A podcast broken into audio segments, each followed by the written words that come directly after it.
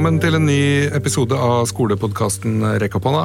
Jeg heter Martin Johannessen, og i denne episoden så skal vi snakke om hvordan elevene har hatt det under koronakrisen. Hvordan har undervisningen vært? Eh, Har det vært undervisning? Eh, Og For å snakke om det så har jeg invitert Kristin Schultz, nestleder og påtroppende leder i eh, Elevorganisasjonen. Velkommen! Hei, tusen takk. Jeg snakka med deg også for noen uker siden på en sånn livesending på koronadugnad for digitale lærere. Og da var vi bare litt inni kanskje en uke eller to inni det at skolene var, eh, var stengt og liksom fjernundervisningen var i, gang, var i gang. Det var en god del sånn entusiasme rundt det her å ha undervisning på nett. Det funka. Elevene møtte opp, alle smilte til hverandre og, Ja. og sånt. Eh, og da, akkurat da satt du i karantene i Lofoten. Ja, det gjorde jeg. Ja, eh, Du er jo nå ute av karantene og ute av Lofoten. Ja. Ja, Begge deler, ikke gærent. Men du snakka om, og det var noe som på en måte ble et sånt tema ganske lenge, og det, for du snakka om kvalitet i fjernundervisningen. ja. Har det vært kvalitet, syns du?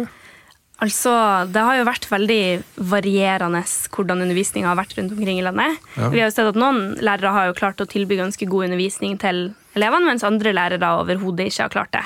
Eh, noen lærere har vi jo, som vi snakka om i Dagsavisen, eh, overhodet ikke gitt undervisning til elevene sine. Eh, men når vi tenker måte, hvordan hvordan skal undervisninga være, hva er kvalitet i fjernundervisning, så er det jo for oss stikkord at ok, man må ha variasjon, man må ha gode liksom, både undervisning og vurderingssituasjoner, legge til rette for at elevene kan komme med innspill til hvordan undervisninga skal være, som er kanskje noe vi har savna ekstra mye i, i denne tida. Vi hører jo at elever mener at de ikke får noe utbytte av undervisninga. Eh, og da vet vi at skoler ikke oppfyller formålet sitt. For formålet til skolen er jo å gi elevene undervisning de får utbytte av. Så da er det, liksom det evig lange spørsmålet hvordan sikrer man da at elevene får utbytte av undervisninga? Og vi syns jo at svaret på det er ganske lett. Det er jo å inkludere elevene i utforminga av undervisninga. Og være i dialog med dem. Eh, For sånn som skolen er oppbygd i dag, så har vi jo det lovfesta retten til elevrådet. Vi har jo elevdemokratiet. Men jeg føler at mange ser litt på elevråd som type Det blir nesten som en sånn stikkordsliste.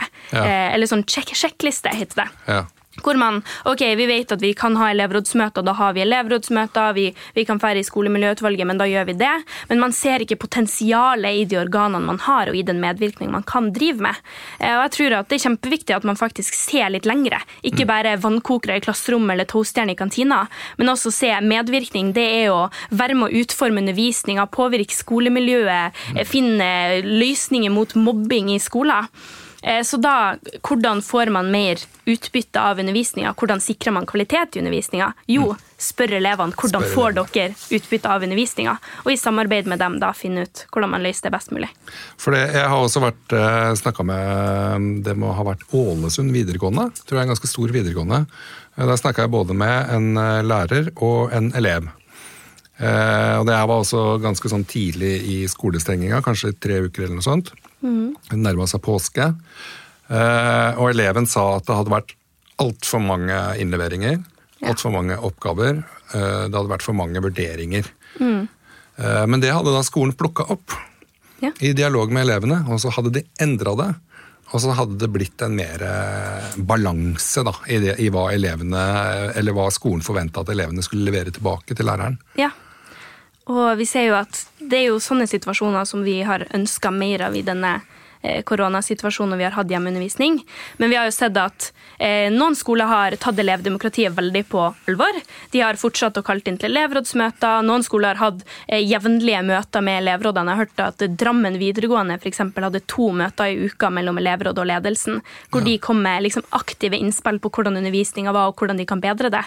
Men så har man jo andre skoler hvor eh, elever kommer med innspill til lærer, eh, fordi de har merka at de får ikke undervisning, eller de får nesten ingen undervisning. De har forslag til hvordan man kan bedre det, men så blir de bare møtt på ei, ei kald skulder.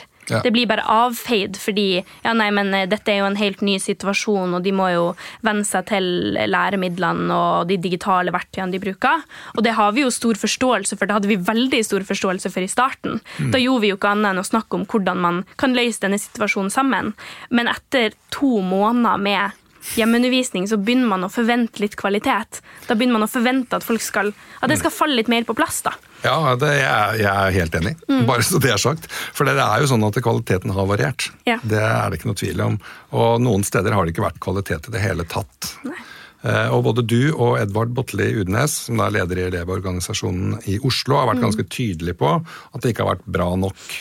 Eh, en ganske stor sak som var i i Dagsavisen nå nylig. Jeg skal sitere deg derfra. Ja. Eh, For du skriver, eh, eller sier egentlig akkurat det du sa nå. Ja. Altså I begynnelsen hadde vi stor forståelse for at lærerne trengte tid til å tilpasse seg bruk av digitale plattformer i undervisningen. Men Etter snart to måneder med hjemmeskole begynner vi å forvente at ting er på plass. Men hvordan har det egentlig vært? Hva er det som ikke var på plass? Altså, Vi har jo merka at den tekniske kompetansen til lærerne er ganske varierende.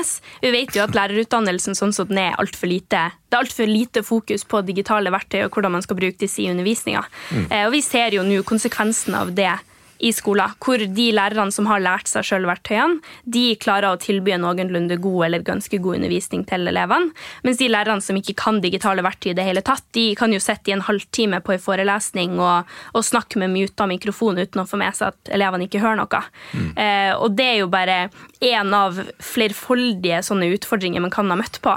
Eh, og det er helt greit i starten at sånne ting skjer. Selvfølgelig, det er utrolig kjipt at man går glipp av den undervisninga, eh, og det burde jo det burde ikke vært et problem. Nei. Denne kompetansen burde det jo vært en selvfølge at lærere og andre aktører i skolen skulle hatt. Ja, Um, for man har jo også sagt at eh, Skole-Norge ble tvangsdigitalisert på en uke, og det gikk forbausende bra. Ja. Men dere har jo på en måte hørt fra elever eh, og snakka med elever som eh, sier at de har ikke hatt noe undervisning på nett. De har Nei. fått arbeidsoppgaver på mail, kanskje. Ja. Jeg har også hørt noen eh, skoler som ba elever om å opprette en Facebook-konto, for det var lettere å chatte der. Ja. Eksempel. Sånn, Helt sånn håpløse ting. Ja. Og altså, Noen ting har funka veldig greit, eh, som sagt, men vi har sett at eh, de, liksom den digitaliseringa av skoler har på ingen måte gått smurt. Eh, når de sier at vi har fått ei helomvending av liksom, ei digital skole, så mener de jo bare at vi har flytta klasserommet fra ei fysisk klasserom til et digitalt klasserom. Men undervisninga som de har prøvd å gi, har jo vært den samme hvis de har gitt undervisning.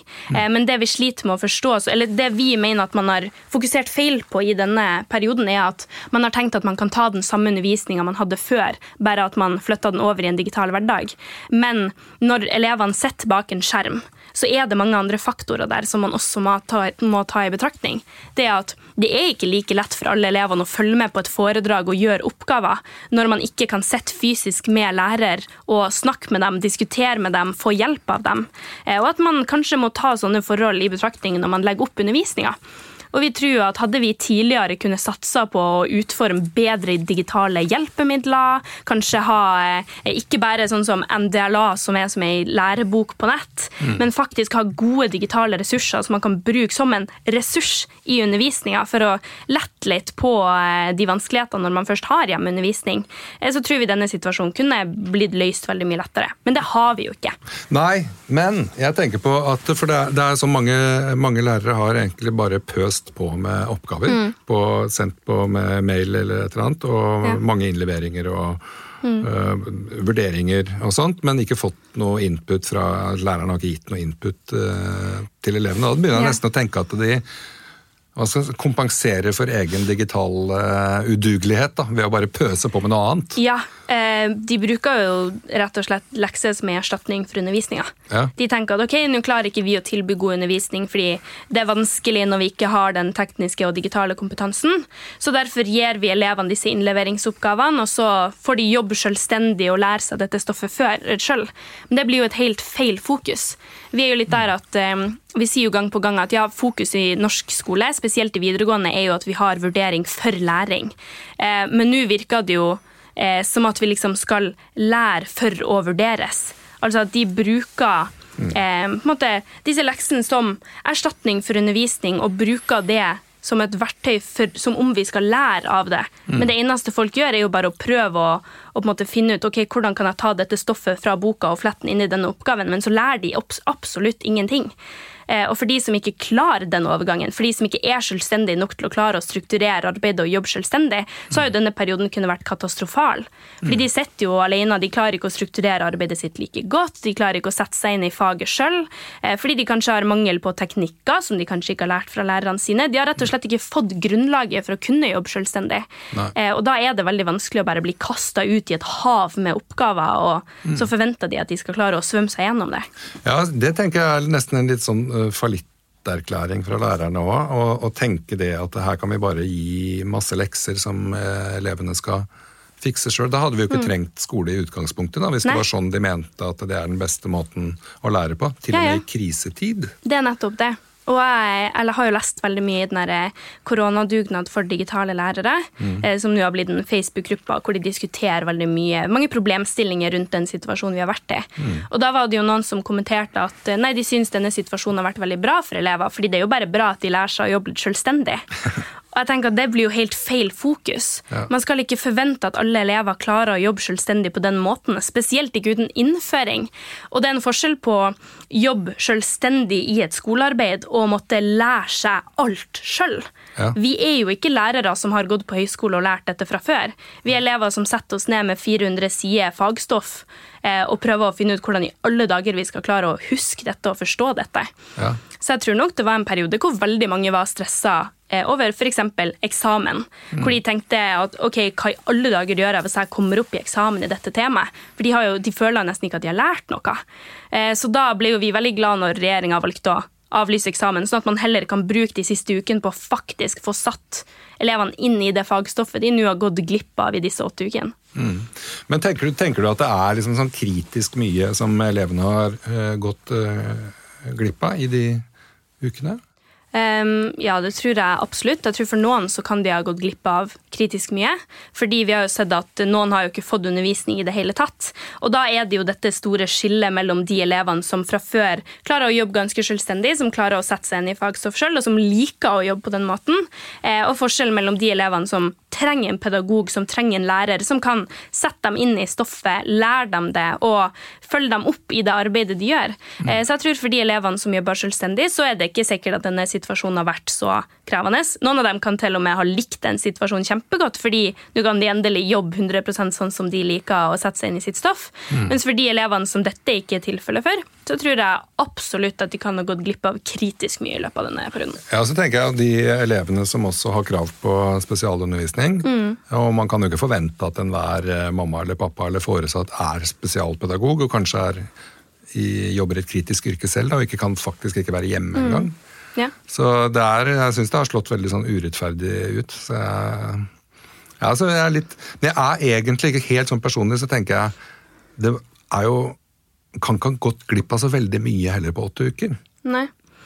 Nei, altså, Man går jo gjennom kjempemye fagstoff i løpet av et år. Mm. Og man vil jo tro at de har gått gjennom kjempemye, men vi vet jo også at det er en ja, Det er en tendens dessverre at mange er mot slutten av skoleåret, og vi ser at dette kommer jo inn eh, rundt mars Eh, ja, midten av mars, april, mai. Mm. Og det er jo oppspurten mot eksamensperioden for videregående elever.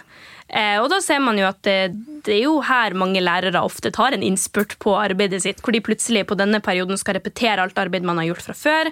Man skal sette dem inn i nye ting, kanskje ha ekstra mange vurderingssituasjoner, tentamener, for, liksom, mm. prøveeksamener og hele pakka. Eh, og så plutselig kommer denne situasjonen over oss.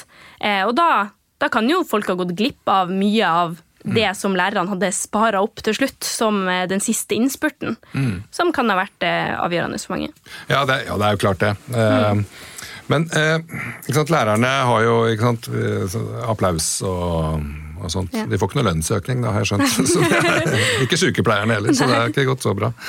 Men, og, men, ikke sant? Og jeg er jo veldig sånn for å framsnakke lærere og skole og sånt, men så leser jeg jo også kommentarfeltet i diverse sånn Facebook-grupper, og så blir jeg ikke alltid sånn like positivt stemt. Mm.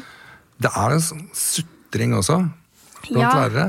Uh, og jeg syns jo absolutt at lærerne fortjener ros for den den innsatsen de har lagt inn denne perioden. Men jeg tror at det er viktig at vi ikke maler alt rosenrødt heller. Ja. Fordi det er kritikk og rett. Eh, det er forbedringspotensial, og dette er en situasjon vi må evaluere godt for å finne ut hvordan, hvordan kan vi ta lærdom av det og ikke la alt det vi har erfart nå gå til spill. Mm. Fordi eh, vi, vi, trenger å dra nytte av disse erfaringene fremover. Eh, og altså, lærerne må bare håndtere og få litt konstruktiv kritikk. Det må elevene også. Det er ikke mm. sikkert at elevene heller har vært perfekte i denne situasjonen. Nei, nei. Men eh, man kan ikke gå rundt med på en måte kroner på hodet og forvente at nå har man prestert perfekt. For det er det ingen av oss som har, og det forventer man heller ikke i en krisesituasjon. Men jeg tror eh, jeg tror nok absolutt at det har vært eh, i perioder kanskje litt for mye fokus på, eh, på, alt det positive og litt for lite på det negative. Som var grunnen til at vi til slutt bestemte oss for å gå ut og, og få frem de negative tilbakemeldingene som vi hadde fått inn. For vi hadde fått inn overveldende mange negative tilbakemeldinger, og det kan man ikke la stå eh, unevnt. Nei, og da kan man jo bare lese den uh, artikkelen i i Dagsavisen så se, får man jo egentlig et litt eh, breiere bilde på det. Også viktig, mm. tenker jeg. Men hva, hvis vi skal snakke litt positivt om eh, læreren, da. Hva, hva er, de som har gjort det bra, lærere mm. og skoler som har gjort det bra, hva er det de har gjort som gjør at det er så mye bedre? Altså Det som har skilla dem fra de andre, er jo at de har veldig kreative vrier på hvordan de gjennomfører undervisninga. Det kan være små ting som at de spiller en video på forhånd. De, har, liksom, de legger til rette for gruppearbeid. De legger til rette for diskusjon mellom elevene. Eh, de døser ikke på med massevis av innlevering og oppgaver, men legger heller til rette for at man kan ha andre, mer kreative vurderingssituasjoner i tillegg. Mm. Fordi jeg tror nok mange har gått i den fella hvor de har sett på en vurderingssituasjon som ei A4-innlevering man kan vurdere med en karakter. Ja. Men vurderingssituasjoner kan jo være så mye mer enn det. Eh, og vi vet jo også at eh, de elevene vi har fått de beste tilbakemeldingene fra, er jo også de elevene som har sagt at elevdemokratiet har vært på topp i denne perioden. Mm. Det er jo de elevene som har kommet med tilbakemelding til lærer, og lærere har tatt det på alvor. Mm. De lærerne og elevene som har samarbeida om å forme ei god undervisning. Det er jo mm. den undervisninga som har vært best. Ja. Eh, for vi vet jo at det er jo gjennom det samarbeidet at man faktisk kan få til ei bra skole. Ja, og det er jo um, de som ikke har hatt noe elevråd i det hele tatt, hva har du å si til dem?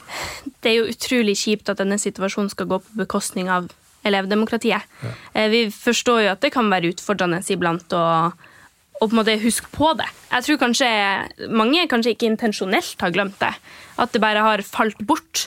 Men det at det er så lett at det faller bort, er jo også et varselsignal for vår del. Mm. Vi mener jo at det burde være en selvfølge at man skal ha et elevdemokrati, og at man skal inkludere elevene i det, de prosessene og det arbeidet man gjør på skolen. Ja. Eh, så noen elevråd har jo hatt jevnlige møter, de har hatt jevnlige møter med ledelsen også, mens andre elevråd har ikke møttes i det hele tatt. Eh, og det er jo kanskje der det har gått mest fatalt i denne perioden. Ja, er, jeg er helt enig der òg.